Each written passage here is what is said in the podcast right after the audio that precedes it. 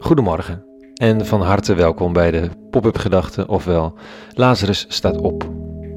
Elke ochtend lees ik de Bijbelteksten van de dag, de werkdagen, en ik vraag me af of er een gedachte in zit om de dag fris en bewust mee te beginnen. Wat er opkomt, deel ik met jullie. Mijn oefening is mijn oefening met oude wijsheid en dagelijkse vragen. Vandaag met de titel: Geen sprintje, maar een duurloop. Pop-up gedachte dinsdag 24 maart 2020.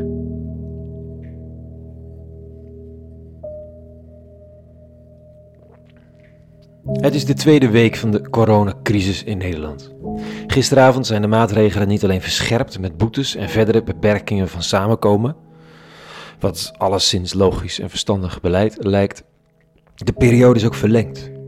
De drie weken zijn er zes geworden en iedereen realiseert zich opeens dat de eenvoudige verschuiving van relatief milde maatregelen gedurende drie weken naar strengere maatregelen gedurende zes weken nogal wat betekent.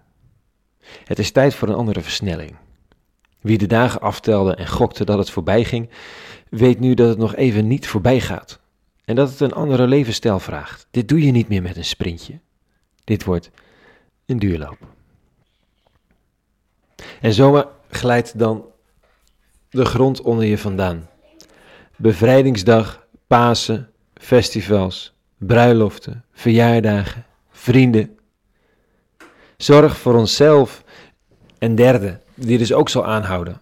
Zomaar verlies je even grip. Is het niet nu, dan wel volgende week of op enig ander moment, moment dit weekend. Dan lees ik de oude teksten van vandaag. En ik realiseer me dat we niet uniek zijn. Deze situatie is voor ons volkomen uniek. Sommigen hebben het al over kinderen die nu opgroeien en die dan nu al corona-generatie zullen heten. Ze hebben dit meegemaakt. Maar op de schaal van de wereldgeschiedenis is dit niet uniek. Op de schaal van ellende die plaatsvond is dit niet eens ellendig, enkel balen.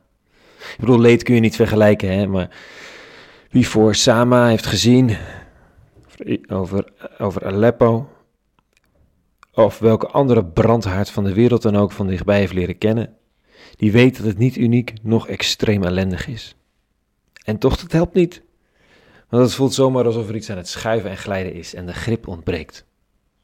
En niet altijd, hè, maar die momenten zijn er wel. En het, en het is niet op deze manier aan ons eerder gebeurd. Wel aan anderen, vele anderen. En een dichter schreef dit in die oude boeken van het Jodendom, waar christenen hun heil in vonden op uitnodiging van Jezus van Nazareth. Komt zoiets. De ene is voor ons een vesting en toevlucht, een machtige hulp in nood. Zo zijn we niet bang, al kantelt de aarde, al vallen de bergen in zee. Een klaterend beekje verkwikt Gods stad, het heilig verblijf van de Allerhoogste. Die stad staat onwrikbaar, want God is daar binnen. God staat haar terzij als de dag begint. Het klaterende beekje is toch wel echt een fenomenaal contrast met de kantelende bergen die in zee vallen. Er ruist iets ontspannends in al het geweld. Een innerlijke bron, een externe zekerheid. En of je het gelooft of niet, of je het al dan niet lukt om deze zekerheid tot de jouwe te maken. Van een afstandje kun je zien dat het helpt als iemand zo'n innerlijke kompas ontwikkelt. Zonder zich los te maken van de shit van de wereld, hè? Sterker nog, dit als momenten te zien om aan de slag te gaan in lijn met de waarden van de eeuwige, eh, met de liefde, omarming, opoffering, zorg en wederzijdse verbinding.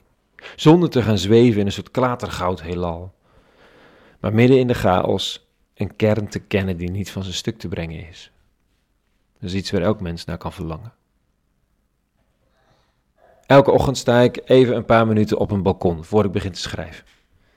Hoe korter de nacht en hoe later de wekker, hoe minder tijd ik er sta. Maar het is het meest relevante stukje van deze hele ochtendoefening.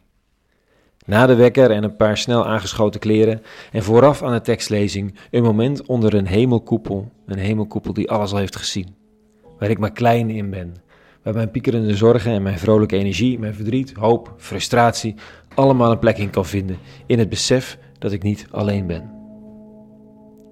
Meer is het niet. Meer is soms ook niet nodig. Een heel klein, klaterend beekje, soms niet meer dan een vrolijk tinkelende waterdruppel. Voldoende voor de dag.